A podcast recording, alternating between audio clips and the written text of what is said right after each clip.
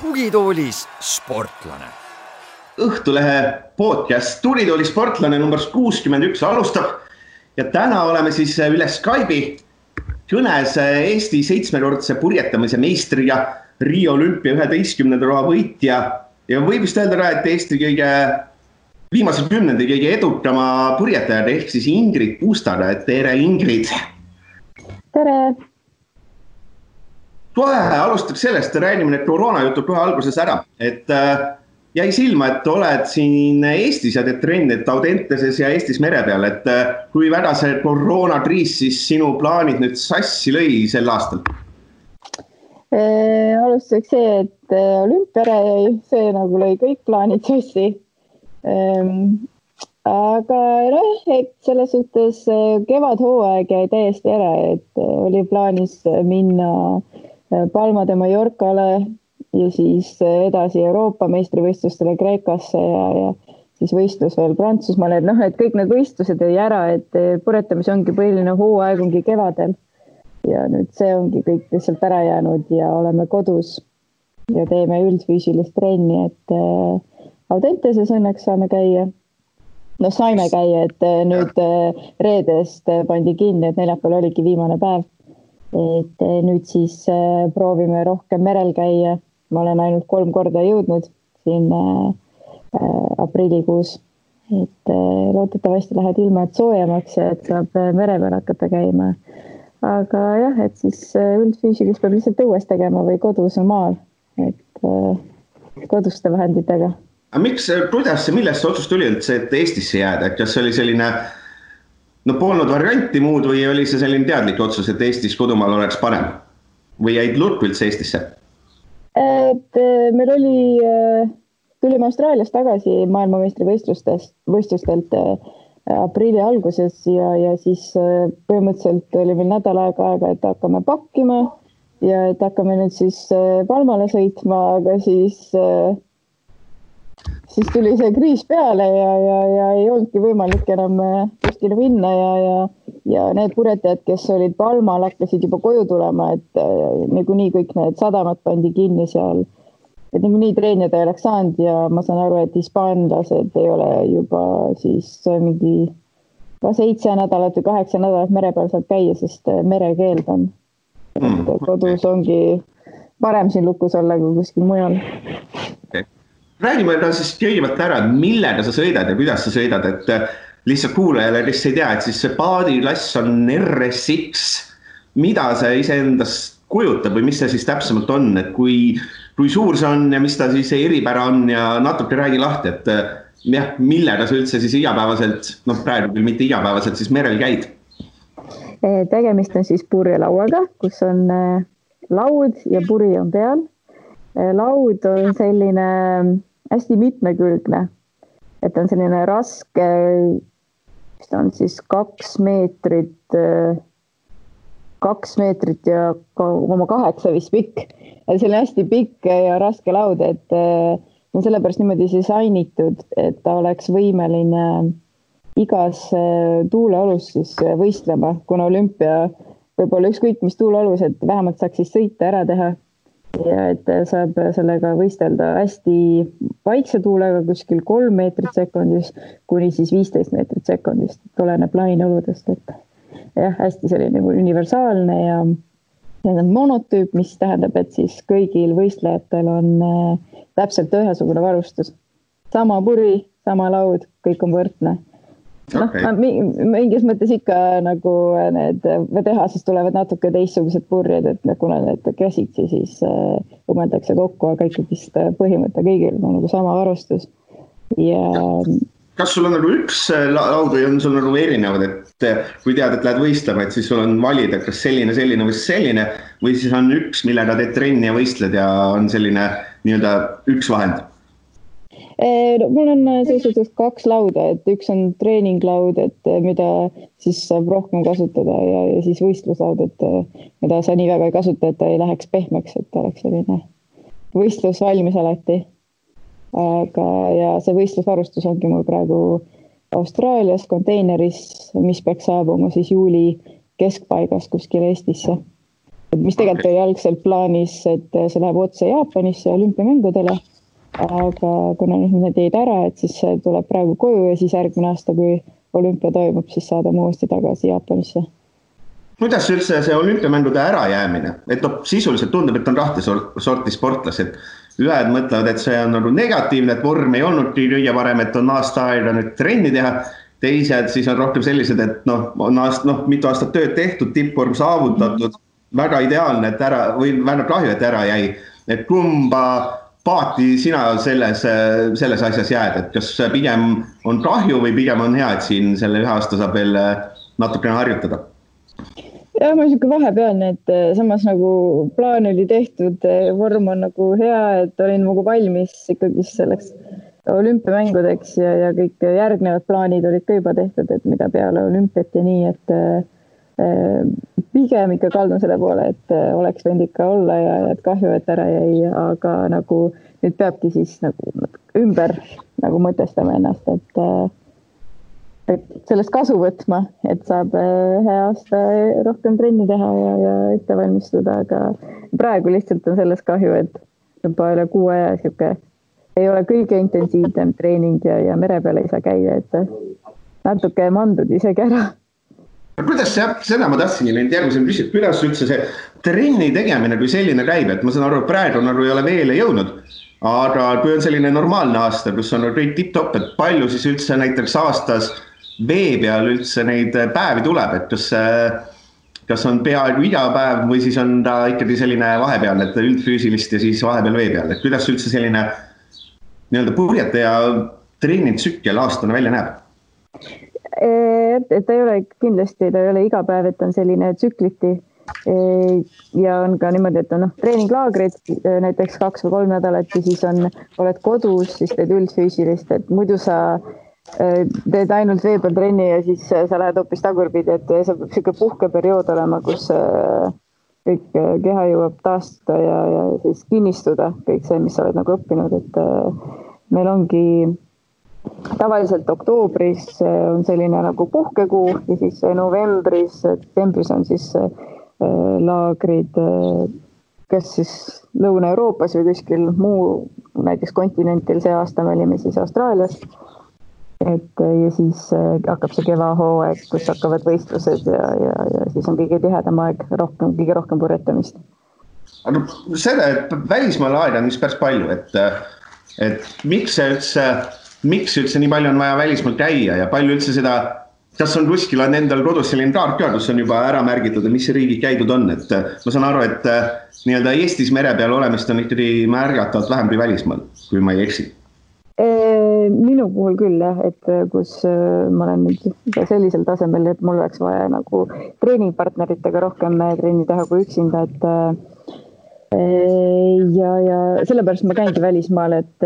just trenni teha koos teiste purjelauduritega. et siis sa saad võrrelda ennast, et kas sa oled arenenud või mitte või siis või kuidas teatuid tehnikat arendada, vaatad teisi ja nii ja, ja, ja siis äh, pead ka võistlema, nagu neid treeningsõite tegema.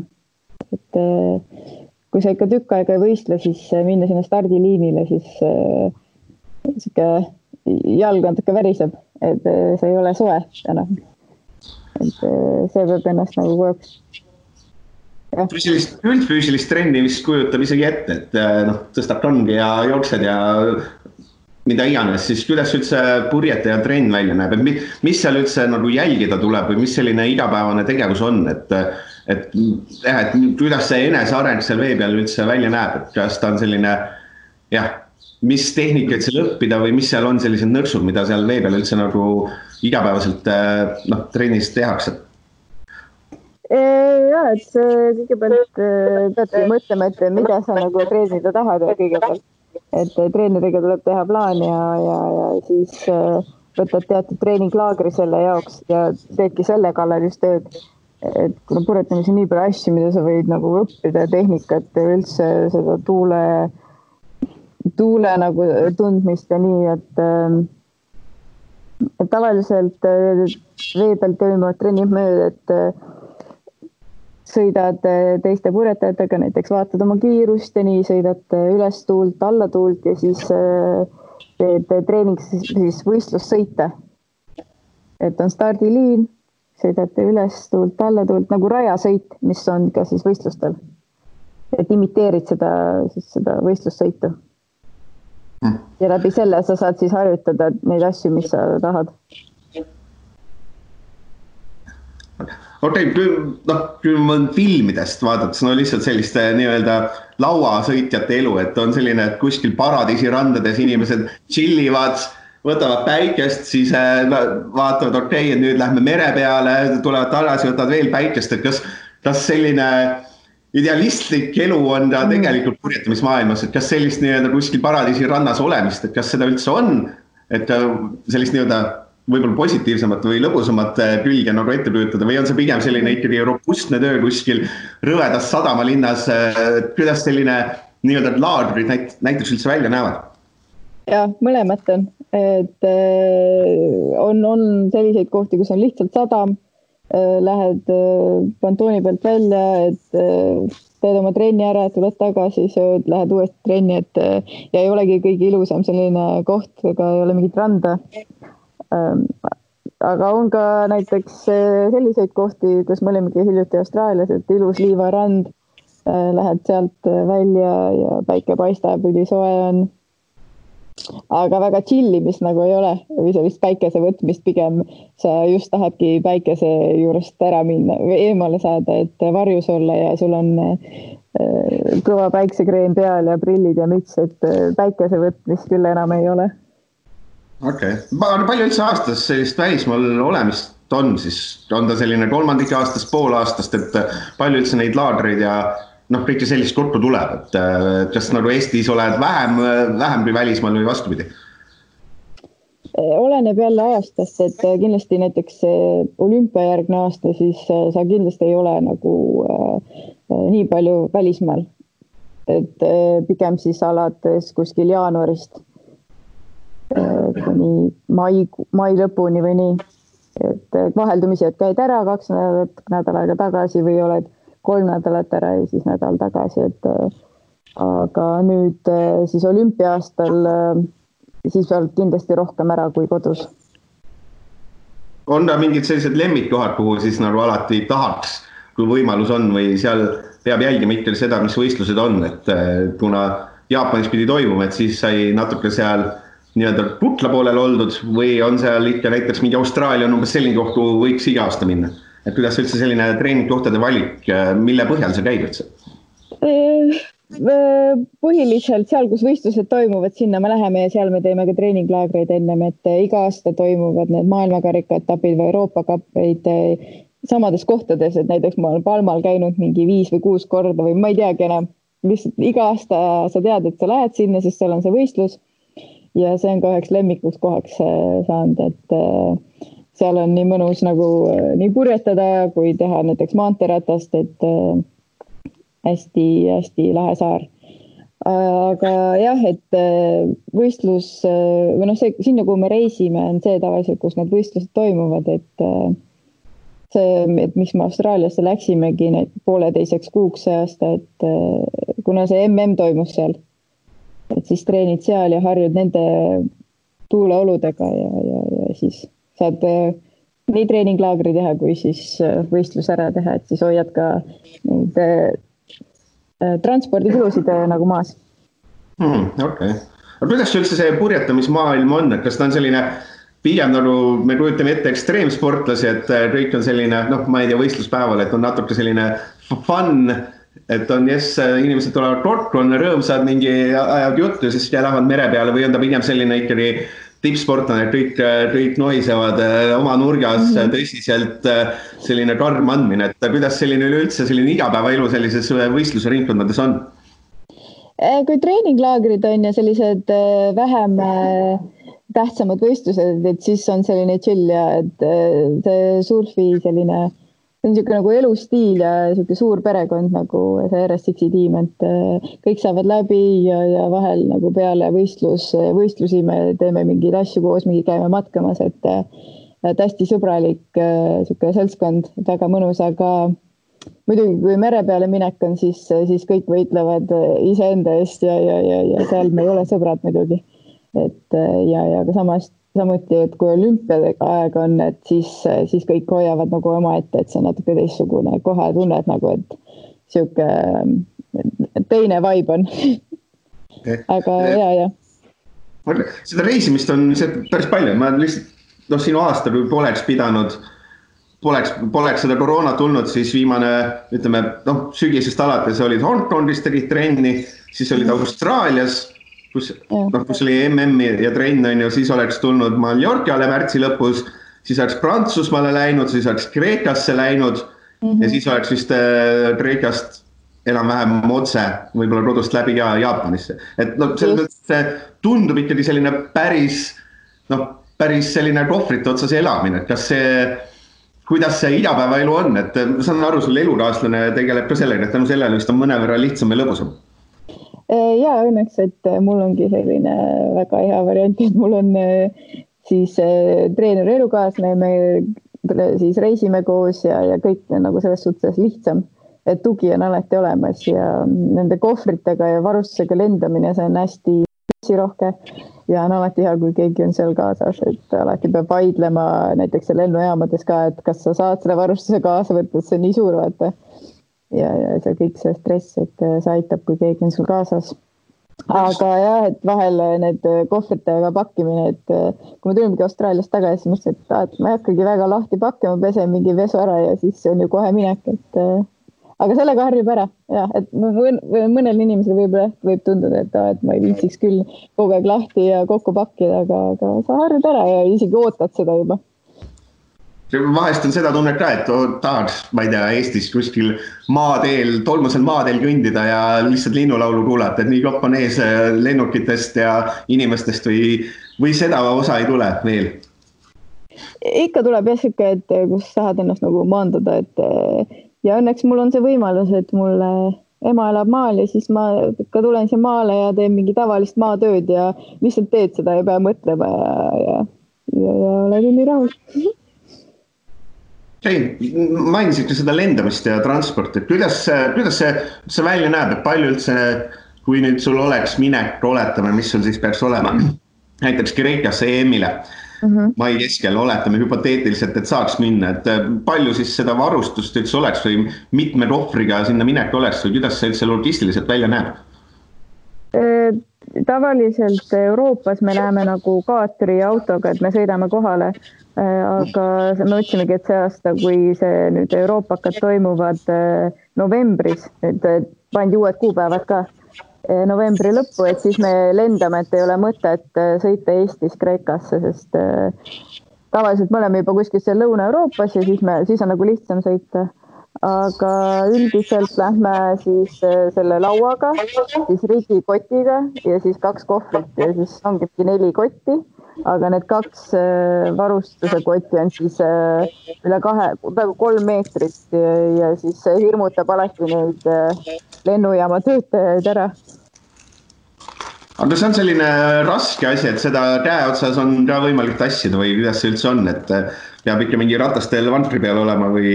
saad sa, saad sa üksi hakkama näiteks mingi selle kuskilt takso, taksoga vist seda viia, aga oletame takso pealt kuhugi lennujaama viimisega, et kui raske kogu see asi on ta on kuskil kuuskümmend kilo kõik kokku nagu kaks äh, kotti, noh, sa saad nagu rataste peal seda tõmmata, aga taksosse seda ei pane.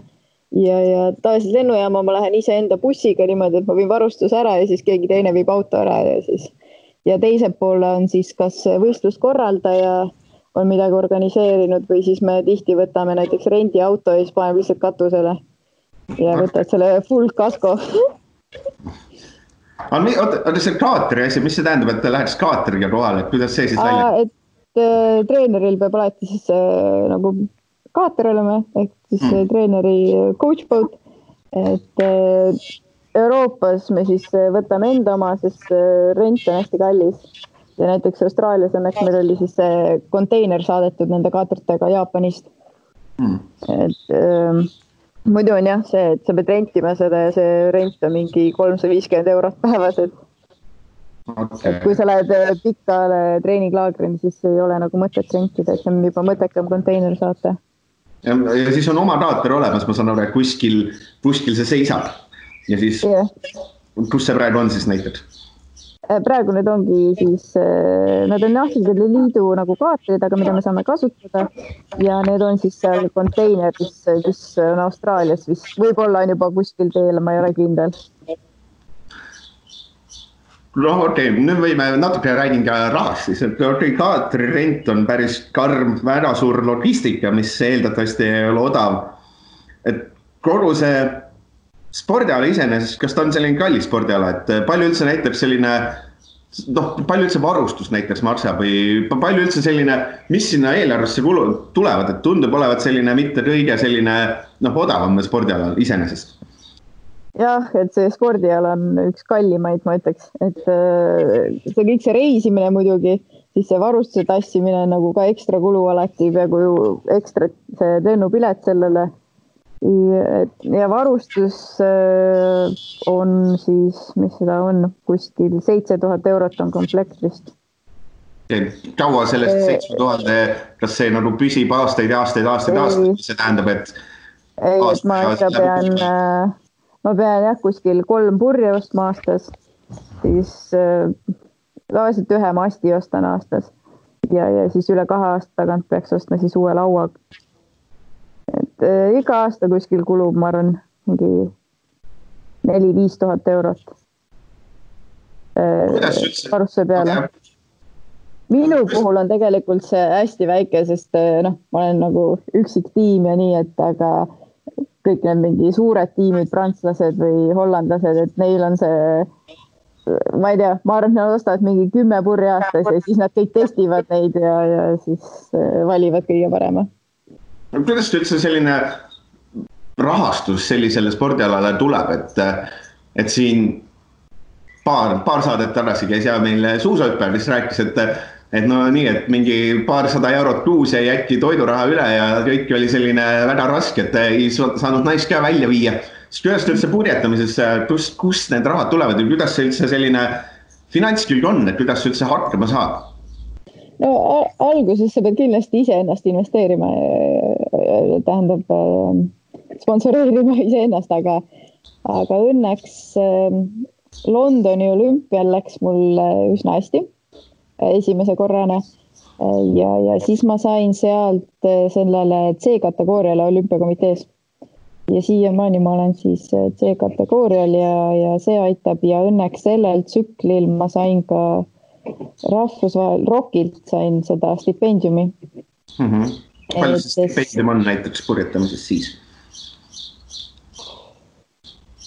et on kvartali kaupa vist või kolm korda aastas, mingi viissada eurot kuus vist okay,. Okay. või dollarit jah, et see, see ei ole nagu palju, aga ikkagi vist midagi aitab. ja, ja siis äh, on meil äh, jah, liidu toetus ja siis sa muidugi pead endale leidma ka sponsoreid, muidu ei tule välja. kas, kuidas see Eesti sponsorite leidmine on või kas on üldse Eesti sponsorid või on ka mujalt, et kuidas üldse see välja näeb, et kas on, kas see töö, noh, seda võib vist öelda töö, et sponsorite ärarääkimine kui selline. kas see on selline raske töö, pidev töö või kuidas see üldse välja näeb, et on, on seda, on ettevõtetele kirge selgeks teha, et no nii, et tere, et ma olen Ingrid Pusta ja mul läheks natuke tuge vaja, et ma saaksin järgmisel olümpial esikuuikusse tulla näiteks. ja ei, see ei ole väga lihtne, sest spordiala on selline, mida kõik ei, nagu ei tea sellest mitte midagi. ja, ja raske on võib-olla ennast sinna panna, sest see on selline ala, mida sa nagu lihtsalt ei võta, vaata kuskilt, et okei okay,, ma proovin seda teha. et seda nagu, nagu raske seletada ja, ja, ja aga noh, selles suhtes on ikkagist eh, tublisid ettevõtteid, kes toetavad ja et äh, muidugi neid lihtne ei, ei, ei ole saada ja nendega rääkima. okei okay., see koroonakriis, sind juba finantsiliselt löönud ei ole, ma saan aru, et siin spordiklubid on juba päris hädas, et mine sa tea, kuidas sponsorid üldse nüüd edasi saavad tegutseda, et. et sul selles mõttes juba halbu uudiseid ei ole tulnud, et juba on helistatud või meil saadetud, et kuule, et nüüd on selline lugu, et meil siin ettevõttel läheb suht kehvasti ja et sorry. Õnneks teil ei ole. okei okay. uh, okei okay,, purjelaud on siis paar tuhat eurot, siis laagrid on ka, eks ole, ma saan aru, ikka sellised, äh, no vist selles mõttes, et seal vist põhikulu on lendamine, et äh, koha peal, ma arvan, on sellised üsna sellised no lihtsad olud, et ei ole selline sviidis elamine kuskil luksushotellis, vaid pigem on nagu ikkagi kuskil mere ääres midagi lihtsat. Ja et äh, kindlasti valime sellise majutuskoha, mis on tavaliselt kõige odavam ja klubile nagu lähedal ja mugav et äh, mingis hotellis ei ole mõtet olla, sest äh, seal sa ei saa esiteks endale mingit süüa teha ja, ja ja siis need äh, toidu, noh, korrad on ka ette nähtud aegadel, et see ei sobi vast, et. palju, palju, palju üldse sellises päevas, kui sa näiteks oled kuskil seal, palju noh, treeninglaagris, et kuidas üldse välja näeb, et kas palju sa üldse noh, mere peal oled siis, kui on selline intensiivne äh, treeningaeg, et kas hommikul äh, enne kuke, kuke kiremist lähed juba vee peale ja siis, kui pimedaks läheb, tuled ära või on selline natukene leebem? ei, leebem ikka, et äh, ma arvan, et äh, üldiselt on niimoodi, et me vaatame seda tuuleolusid, et millal on kõige parem tuul ja selle järgi me lähme, et kui kõige parem tuul on hommikul, siis me lähme ka hommikul näiteks üheksa või kümme, et äh, aga üldiselt äh, tekib tuul just peale lõunat, et näiteks kell kaks või kolm, et äh, ja siis me lähmegi, et võtta hommikul midagi muud ja siis lähed õhtul purjetame. et tihti oligi näiteks Austraalias, et tekkis tuul alles peale kella kolme, mis on tegelikult ülitüütu, sellepärast et sa oled hommikul terve päev otsa nagu noh, hommikul küll teed mingi jooksu või nii, aga tekkis päev otsa nagu ootad seda ja siis õhtul saad alles nagu trenni kas see, kas see purjetamine vahest viskab üle ka nagu treeninglaagris näiteks või on ta selline spordiala, mis on noh, nii hinges, et seal võiks teha nagu iga päev, et kuidas üldse, kuidas see vee peal olemine on? Ei, selles suhtes äh, ikka mulle meeldib nagu vee peale minna ja, ja, ja, ja, see treenimine. aga vahel mulle meeldib ka mingi muu alusega minna, mitte ainult nagu selle RSX-iga, aga näiteks mingi lainesõiduvarustusega see on nagu rohkem fun või näiteks siis foiliga, mis on nagu sihuke uus asi. et, ähm, et lihtsalt natuke vaheldust. okei okay., teeme sellise hästi kiire nüüd tagasimineku ka, minevikku täiesti, et kuidas sa üldse purjetamise juurde jõudsid, et, et kui nüüd minu kiire guugeldamine ei eksita, siis oled päris selline Kesk-Eestist, et Märjamaalt, et ja. minu geograafia teadmised ütlevad, et Märjamaal väga palju purjetamisvõimalusi ei ole, et kuidas üldse, kuidas ja millal üldse sa nii-öelda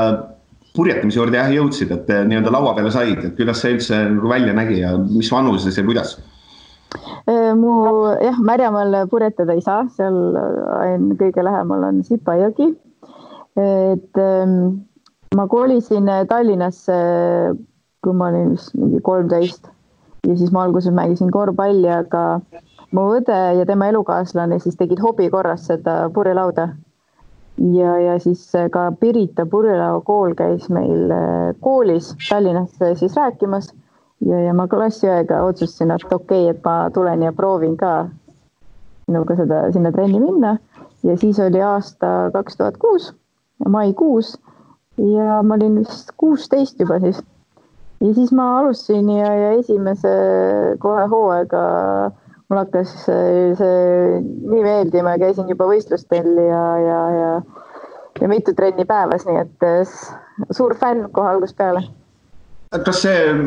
päris, ma ei tea, kas kuueteistaastaselt alustamine, kas see on nagu tavapärane, noh, paljude spordialade mõistes on see ikka juba noh, täiesti maha kantud vanus, et äh, spordialaga alustada, et kas purjetamises on see selline okei okay vanus või, või kuidas üldse noh, nii vanalt alustades tippu jõudmine, et kas sa lihtsalt oled ürgtalent või kuidas kuidas see üldse loogika purjetamises on? ja tavaliselt ikkagist purjetamisega äh, alustatakse kuskil, mis need on, seitse või kaheksa, kaheksa, üheksa aastased alustavad optimistiga siis juba mis on siis kõige parem vanus, aga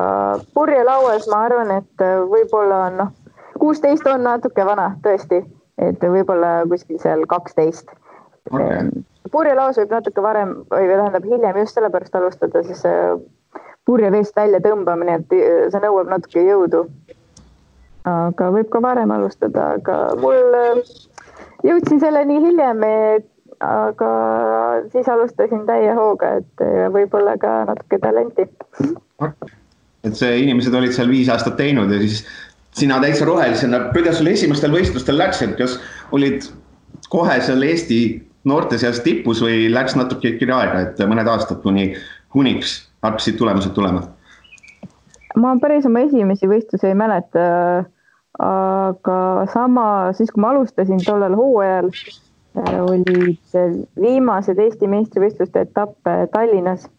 ja siis ma võitsin selle tüdrukute arvestuses juba, jah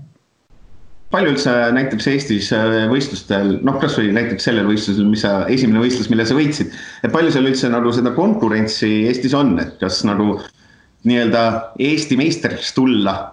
Äh, kas see on nagu keeruline, et äh, kas stardis on kümme, kakskümmend, viiskümmend või sada inimest? siis, kui mina alustasin, siis meid oli ülipalju, no ma mäletan vist mingi kolmkümmend noort sõitis seda Tehno, mis on, Tehnot, mis on siis see olümpia eelklass. Aga nüüd on see kuidagi kokku kuivanud, et äh, noh, eelolümpiaklassi ikka sõidavad inimesed, aga just seda olümpiaklassi RSX-i nüüd mina olen ainuke, sellepärast et äh, see on olümpialt ka väljas. et ei ole enam mõtet seda nagu sõita, sest olümpiamänge sellel alal ei toimu enam. ja siis ähm, kaks tuhat kuus alustasid ja siis kaks tuhat kaheksa olid juba Eesti meister täiesti, eks ole, et kui Vikipeedia andmed ei mhm. eksita, et see, millal siis see otsus tuli, et no nii, et äh, ma nüüd hakkan äh,, hakkangi purjetajaks ja hakkangi väga-väga tõsiselt seda tegema, et kas see tuli kohe või millal tuli, noh, mingi hetk on ikkagi vist kõigil see otsus, et mhm. kas ma nüüd hakkan tööd tegema ja purjetan võib-olla siin korra õhtus või ma hakkan seda nüüd täiesti tipptasemel tegema, et millal, kui vanalt ja kuidas see otsus üldse tuli mm,? ma ei mäletagi, ma lihtsalt kogu aeg tegin seda, ma kunagi ei mõelnud, et ma ei teekski seda. et äh, aga vist äh, oli üks jutuajamine oma endise treeneriga, mu esimese treeneriga Jaaguga Äh, enne kui ma läksin ähm, Taani vist ülikooli, et ja siis äh, me nagu rääkisime, et nagu, et mis, mis plaan on siis, et kas ikka jõuda nagu olümpiani, et ju võiks ikkagist äh, nagu treenida ja ära kvalifitseeruda, et ähm, ja siis ma nagu ka otsustasin ikka, et ja, et ma jätkan isegi üli, ülikooli kõrvalt Taanis selle, selle treenimisega ja, ja püüan kvalifitseeruda siis kaks tuhat kaksteist okei okay., totaalis siis oligi, et äh, said aeg olid vabal ajal, ma saan aru, siis vee peal? jah, jah. Okei okay., ja siis põhimõtteliselt sisuliselt sa alustades esimesest päevast, kui sa enam-vähem alustasid, siis kuue aastaga olid juba olümpiasportlane, et selles mõttes lend on ikkagi päris korralik, et, et päris kiire jah, pidi olema, sest äh, päris vana olin juba, kui ma alustasin, vaata, et äh, ja mulle isegi, ma mäletan äh,, treener rääkis, et kaks tuhat kaheksa oli ka vaata Pekingi olümpia ja siis äh, vist pakuti isegi seda wildcard'i. Aga me otsustasime, et ei, see oli liiga vara, sest ma olin just selle olümpiaklassiga ka alustanud, mis oli ka õige otsus. ja esimesel olümpial siis äh kohe viieteistkümnes koht, mis on noh, selles mõttes ikkagi arvestades eestlaste tulemusi olümpial ikkagi üks selliseid, igal juhul üks edukamaid Eesti sportlasi, et äh, kas selline, mis mälestused üldse Londoni olümpiast on, et kas olümpiale jõudmine kui selline oli ikkagi suur asi, et äh, oli suu lahti ja käed värisesid stardis või oli selline võistlus nagu iga teine? Oh, ja ei, kindlasti mitte võistlus nagu iga teine, et see siis, kui ma juba kvalifitseerusin, ma mäletan, see oli Cadisis Hispaanias Äh, see vist mingi neli kuud ennem vist. ja, ja see oli nagu uskumatu. Äh, ja, ja kui ma sinna olümpiale ükskord jõudsin, siis äh, ja ikka käsi värises, jalg värises ja, ja hommikul söögisu ei olnud, et terve nädal aega läkski niimoodi. aga jah, et tulemus oli üllatavalt hea. ja tuul puhus iga päev, ma mäletan, et äh, meil oli treeneriga kindel plaan startides ja äh, ja see toimis äh,. jah, et äh, väga hästi läks ja tänu sellele tulemusele ka ma sain siis sinna toetusele ja edasi treenida, et oli hea algus. okei okay,, oleks seal nihu läinud, kas siis oleks võib-olla pidanud nii-öelda purje kotti panema ja nii-öelda tööelule minema või oleks igal juhul edasi rassinud? et kas on olnud, ma raudselt ma mõtlen selle küsimusega seda, et kas on olnud neid hetki ka, kus nagu on tekkinud tunne, et ei, ma nüüd lõpetan ära, et, et no lihtsalt, et no mis iganes mured on, et lihtsalt vaimselt ei jõua, rahaliselt ei ole võimalik, et kas neid selliseid äh, raskeid hetki on ka karjääris olnud või ongi ta pigem läinud niimoodi kuradi ülesmäge, et kõik on tipp-topp olnud? peale seda Londoni olümpiat äh, ju tegelikult RSX nagu see võeti olümpialt ära, et oli see lohesurf tuli asemele et siis ma olingi, et äh, okei okay,, et ma enam ei sõida, kuigi ma ostsin endale lohe ka juba, mõtlesin, et okei okay,, võib-olla ma siis nagu õpin lohetama. aga see ei olnud midagi nagu sellist tõsist, et ma hakkaks päriselt trenni tegema sellega.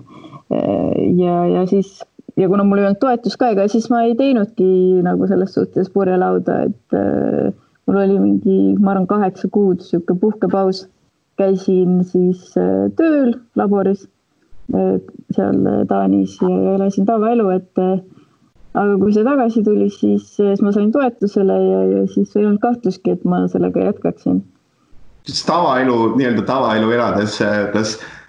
oli igatsus päris äh, suur ka selle nii-öelda sportlaselu järgi, et, et see kaheksa kuu jooksul mõtlesid, ma ei tea, sõitsid hüpoteetiliselt bussiga tööle olid kaheksa tundi kuskil nelja seina vahel ja siis mm -hmm. koju tagasi ja siis mõtlesin, et kurat, ma saan, vabandust, ma mõtlesin, kurat, kurat, ma võiks ju selle asemel praegu kuskil äh, liivarannas olla, oodata tuult, nautida, rääkida teiste purjetajatega, et kas see, kas selline, tuli selline must auk ka või oli, tuli selline, et ah, mis seal ikka jah, et see oli selline periood, äh, kus ma ei olnud kunagi sellises nagu olukorras olnud ja ma polnud elu sees nii valge olnud, ma olin täiesti nagu mingi sinine juba see oli üsna, üsna raske periood, et sellega harjuda, ma olin iga päev, esimesed kolm kuud, kui ma käisin tööl, ma olin nagu nii väsinud, ma polnud kunagi nii väsinud olnud nagu, et lihtsalt selle rutiiniga ka harjuda, et sa oled päev otsa nagu toas või noh, seal ei saanud nagu aknaid ka lahti teha, et see oli tõsiselt umbne ja, ja aga noh, kõik, kõigiga harjud, et lõpuks ma ka harjusin selle olukorraga ja ja, ja hakkad ka seda nagu nautima, seda rutiini ja töökaaslaseid ja muid asju nagu aga selles lõpuks on ikka hea, et ma sellest ka väljusin ja sain tagasi nagu selle elustiili, mis, millega ma olin nagu harjunud. teeme siis hüppe nüüd aastasse kaks tuhat kuusteist, seal oli selline põnev asi, et äh, sõitsid siis esimese naisena purjelaual üle Läänemere. räägige sellest, et kust see idee tuli, et see iseenesest oli huvitav, et mis ta oli siis Gotlandi saarelt alustasid enam-vähem, lõpetasid Saaremaal ja mis ta siis on, et varahommikul alustasid ja õhtul äh, olid Saaremaal kohal, et, et kust see idee tuli ja miks ja kuidas see üldse protsess välja nägi? see oli niisugune vahva projekt ja et mu endine treener siis Jaak Lukk äh, peale olümpiamänge ta küsis, et kas ma oleksin millegi sellisest huvitatud ja, ja ma olin, et miks mitte, et äh, mis ma ikka muud teen peale olümpiat et ja, ja siis me ühildusime, panime kokku selle parapurjetamise toetamise ja siis selle minu ülesõidu. ja alguses meil ei läinud üldse see väga hästi, see projekt, sellepärast et esimesed kaks üritust mul läks täiesti luhta, sest kõigepealt äh, see kaater äh, läks katki, sest üks mootor hakkas ära kukkuma tagant õnneks me olime väga lähedal seal äh, maale, tulime tagasi ja siis äh, teinekord äh, kadus tuul ära ja siis lõpuks kolmas kord, kui me sinna Gotlandile läksime selle kaatriga, hakkasime tagasi tulema nagu purjelauaga, siis läks õnneks, et hästi vahva projekt oli ja, ja toredad inimesed olid nagu sellega seotud ja jah, väga lahe kogemus. kas selliseid asju oled mõelnud ka veel teha, et, et mingeid asju, et teen esimesena teen mingi asja, no see on ju asi, mis jääb igal juhul ka nagu ajalukku, et äh, purjelaual üle mm. Läänemere, et noh, see on ikkagi noh, igaveseks kuskil, et kas selliseid projekte on, on meil mõttes olnud, selliseid nii-öelda kõrvaltegevusi? ma selliselt ise ei ole nagu mõelnud selle peale, sest ma olen nii hõivatud selle olümpiakampaaniaga, et mul reaalselt ei oleks praegu üldse aega millegi muuga tegeleda, et äh, see olümpia nagu esimene prioriteet ja aga kui keegi midagi muud välja pakuks, miks mitte, peale olümpiat võib alati midagi teha põnevat. avatud sellistele huvitavatele asjadele. ja siis hüppame nüüd aastasse kaks tuhat, mis ta siis on, Riia olümpia-aastasse, kaks tuhat kuusteist. seal siis noh, see on ikkagi vist karjääri seni parim sõit, et kui ma ei eksi, et üheteistkümnes koht mm -hmm. olümpial, et see on nagu no igati ju kõva sõna, et see, see on ju asi, mida ei pea kohe üldse häbenema. Jah, jah, muidugi see on hea tulemus. kuigi alati sportlasena tahad sa rohkem paremaid tulemusi, eesmärk on kõrgem,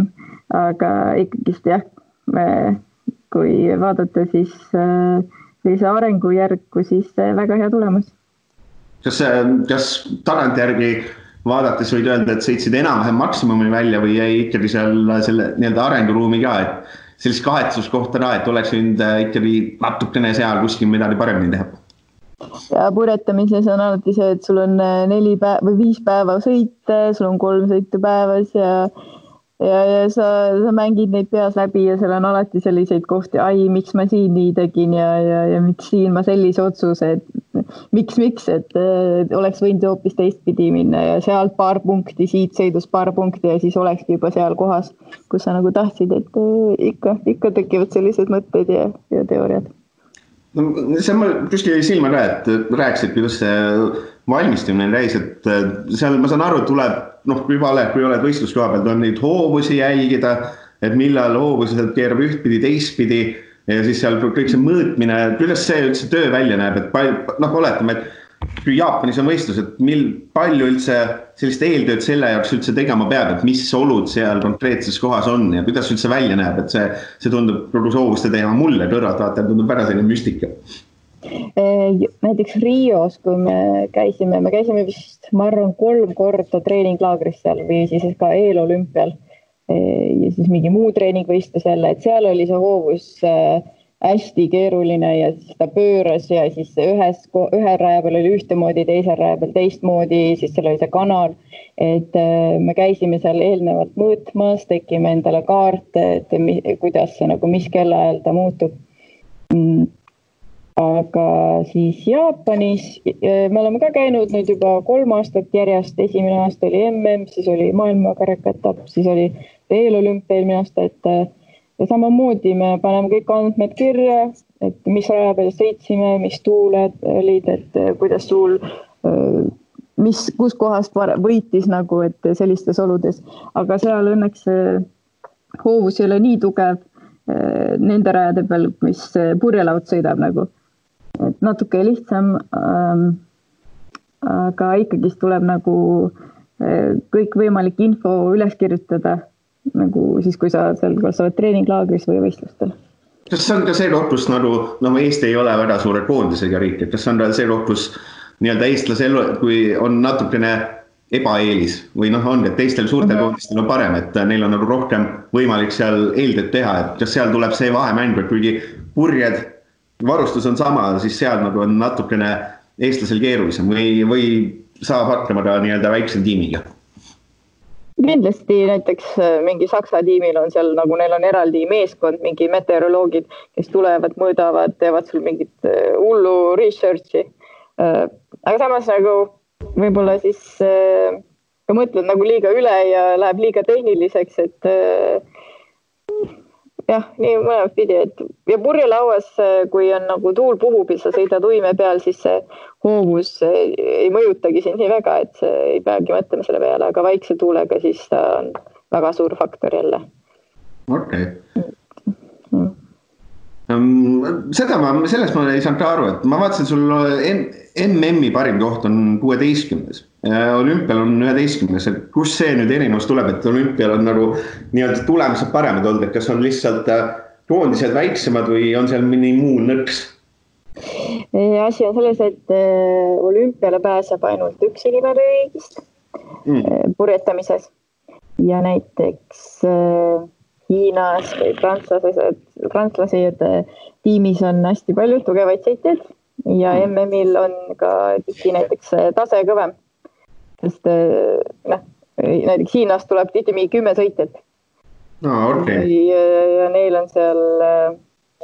kodumaal on seal üldse viiskümmend sõitjat ja neil toimuvad sellised hullud no nad on reaalselt tööl seal, ongi, elavad seal ja purjetavad ainult, et käivad paar korda aastas kodus, et neil on hoopis teistmoodi see. ja, ja... ja palju üldse näiteks MK-etappe või palju üldse nagu võistlusi ühel hooajal on, et äh, erinevaid, et äh, palju see üldse jah ei olegi lisaküsimus, palju üldse võistlusi üldse hooajal on, et kuidas see nii-öelda kalender välja näeb, kui näiteks olümpia-aasta konkreetselt ei ole mm? -hmm. tavaliselt me ikka käime nagu nendel MK-etappidel, et esimene on äh, Miami's, kus ma olen tegelikult ainult kaks korda käinud, sest see on hästi kallis võistlus, sest no muidugi pead sinna lendama, üldse elu Ameerikas on nagu kallis, ööbimine, kõik ja nii edasi, transport. ja üldiselt siis selle me jätame tavaliselt vahele ja me käime siis Eurokapil Palmal, siis ennem oli ka Prantsusmaal oli maailmakarika etapp, mis on ka jälle nüüd Eurokapp. Eh, järjest vähemaks on jäänud neid MK-etappe, nad on mm. lihtsalt äh, väiksema sellise tasemega võistlus, aga võistlejad on ikka samad nagu, lihtsalt vähem punkte saad. et ähm,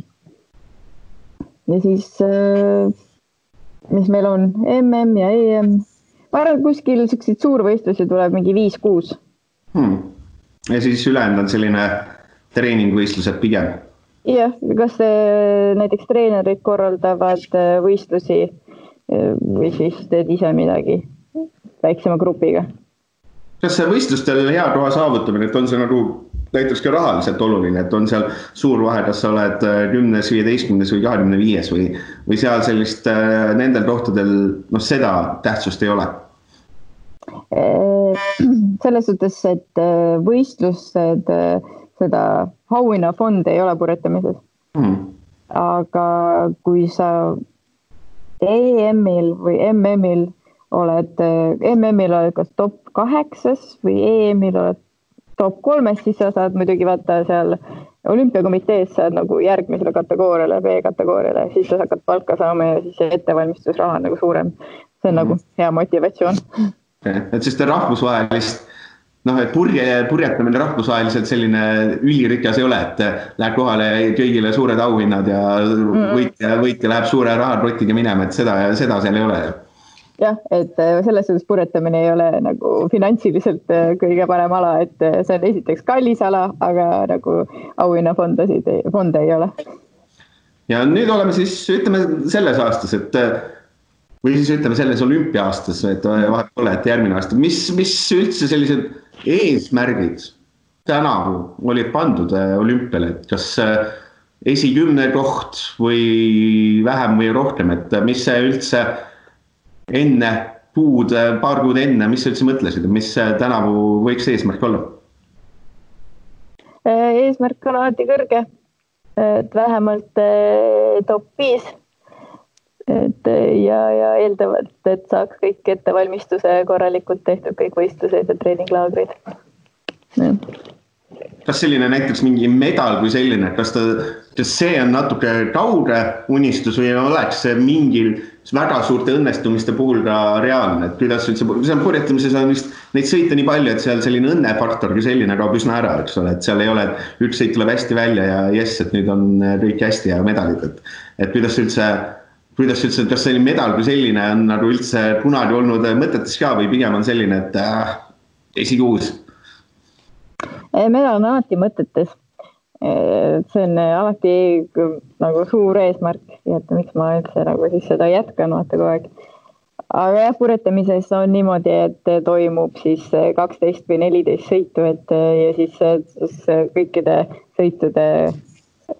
siis pannakse kokku ja siis see, et ja et ei ole nii, et sõidad ühe hea sõidu ja siis võidad võistluse, et seal on niisugune keskmine tuleb kokku. Kas, äh, kas Pariis kaks tuhat kakskümmend neli, kas see on üldse plaanis või kuidas sul üldse, nüüd oleme jõudnud jah, vaatame juba tulevikku, et kas see on ka nagu üldse plaanis veel, et äh, noh, sisuliselt kui nüüd midagi hullu ei juhtu, sülitan üle õla, et siis noh, kolmel olümpial sa käid ära, kas on selle, neljas on ka plaanis või on vaikselt on juba see hetk, kus on juba see, et äkki peaks tagasi laborisse minema? Äh, ma arvan, et ma mõtlen selle peale natuke hiljem, et uh, uus varustus tuleb esiteks uh,, mis on siis foil. Foil on see, et sa tõused vee peale ja sõidad nagu õhus põhimõtteliselt, et foil on nagu seal all ja tõstab sind ülesse vee kohale okay. mis on palju kiirem ja, ja võistlusformaat muudetakse, et um, mis on põnev, ma kindlasti teen seda hobi korras, sest uh, ja sest mingi nagu natuke vaheldus ka siis tavalises RSX-ile, et ja mu just see olümpia, uus olümpiavarustus peaks varsti saabuma. Et ma sõidan sellega ja vaatan, et ja otsustan tulevikus peale olümpiamängu või, või oleneb, mis see, mis see elu toob. ei oska praegu niimoodi öelda. okei okay aga no mul on kümneaastane tütar, ma lihtsalt küsin, aga selline, et see nii-öelda purjetamise juurde jõudmine ja purjetamine kui sport, et kas see on, kas see on asi, mida sa tegelikult noh, inimestele kindlasti soovitaksid, näiteks, et kui ma, mina mõtlen, et tuua oma tütart nüüd trenni panna, kas selline, vii kindlasti purjetamisse, et kogu see elu on üliäge, kas seda sa julged öelda, et või kuidas üldse selline kuidas sa üldse vaatad oma karjäärile ja sellele spordile otsa, et kas on asi, mida sa julged kõigile soovitada, et inimesed, tulge tehke kindlasti, pange lapsed trenni. ja sada protsenti, et tulge ja pange oma lapsed trenni, tulge ise purjetama. et ma ei, ma ei kujutakski oma elu ette, kui ma ei purjetaks, et oleks väga kahju, see elustiil on nii mõnus vabadus nagu mere peal ja, ja ka näiteks väikstel lastel, kes lähevad siis optimisti trenni, et nemad on need, kes otsustavad, mis saab, et neil on see, nad on ise seal paadis, vastutavad selle eest, et ja saavad sõita sinna, kuhu nemad tahavad, et see on niisugune ka õpetab iseseisvust ja, ja üldse see, see kõik see purjetamiskeskkond, et äh, inimesed on väga sõbralikud ja lahedad, et see on niisugune hoopis teine maailm. kas, kas purjetades mere peal midagi siis ohtlikku, eluohtlikku on ka kunagi juhtunud, et on vahest olnud seda olukorda, et ai, ai, ai, et nüüd hea, et eluga pääsesin, et kas sellist nagu ohtlikkust ka selles spordialas on või pigem on ta ikkagi selline, et pole, et saab alati hakkama? minul nagu ei ole midagi sellist juhtunud, et äh, ma olen tihti nagu ka treeneriga, et ja kui on sellised olud, näiteks maatuul ja, ja kedagi ei ole, siis ma pigem nagu ei lähe, et sa pead ikkagist austama ja natuke kartma ka seda merd, et ja ja, ja, ja ise otsustama ikkagi, kas on turvaline või mitte, et, et jah, mina nagu ma ei mäleta küll, et midagi sellist hullu oleks minu käed vahel, et mõelnud, et oo, et ei tea, kas saabki tagasi. ja mis siis nüüd sul sel aastal edasi plaanis on, et saan aru, et nüüd hakkad Eestis siin mere peal rohkem käima, aga millal kui piirid lahti lähevad, et millal siis äh, üldse edasi, et kas selle on üldse, saab sellel aastal mingeid plaane nüüd teha järgmiseks pooleks aastaks või pigem on kõik äh, asjad ooteseisundis, et ühtegi piletit kuhugi ostetud ei ole, ühtegi, ühtegi majutuskohta broneeritud ei ole? ei, midagi ei ole jah, praegu veel planeeritud aga kui äh, piirid lähevad lahti, siis arvatavasti peab kuskile ikkagist Lõuna-Euroopasse laagrisse minema teiste purjetajatega midagi organiseerima, sest äh, nüüd on juba päris pikalt äh, paus olnud ja, ja, ja tavaliselt, kui ma olen suvel Eestis, siis ennem seda või pärast seda ma olen ikkagist laagris, et nüüd tuleb see suvi ära kasutada ja teha siis trenni koos teiste tiimidega et äh, ja, ja siis esimene võistlus peaks olema siis novembri lõpus Euroopa meistrivõistlused Ateenas Kreekas. kui neid siis just edasi jälle ei lükata, et eks näeb. okei okay., no aga siis äh, edasi midagi, peaaegu tuli siin tund täis, et ega ma rohkem siin kinni ei hoia siin, mis päev täna on, esmaspäeva lõunal. et äh, loodan, loodan, et siis ikkagi piirid lähevad lahti, et loodan, et saan merele. tundub yeah., seda peab küll mainima, et tundub ikkagi äärmiselt äge spordiala, mida teha, et selles mõttes räägin väga entusiastlikult, et, et tundub küll olevat asi nagu, et, et mis on vist puhas nauding, kui ma ei eksi. täielik nauding ja tõsi, et äh, see on, äh, see on selline spordiala, et äh, sa saad nagu sõita ühe alusega, samas kui sa tahad mingit muud sellist vaheldust, saad mingi teise aluse peale minna, et aga ja, ja et kui sa näitekski lõpetad, mina lõpetan näiteks selle olümpiaklassiga, siis ma alati jään seotud nagu merega ja merendusega, et äh, see jääb sul hinge, et sa ei saa kuidagi sellest eemale. Märjamaale tagasi siis ei koli, ma eeldan. nii kaugele ma arvan, et mitte, võib-olla suvila võib-olla, aga jah, see jääb natuke kaugele merest. selge, aga ma tänan, Anna, ma tänan ja oli väga mõnus. ja jah, ja see siis oli meil äh, tulitõul sportlane number kuuskümmend üks ja järgmine nädal kuuleme juba jälle. nägemist.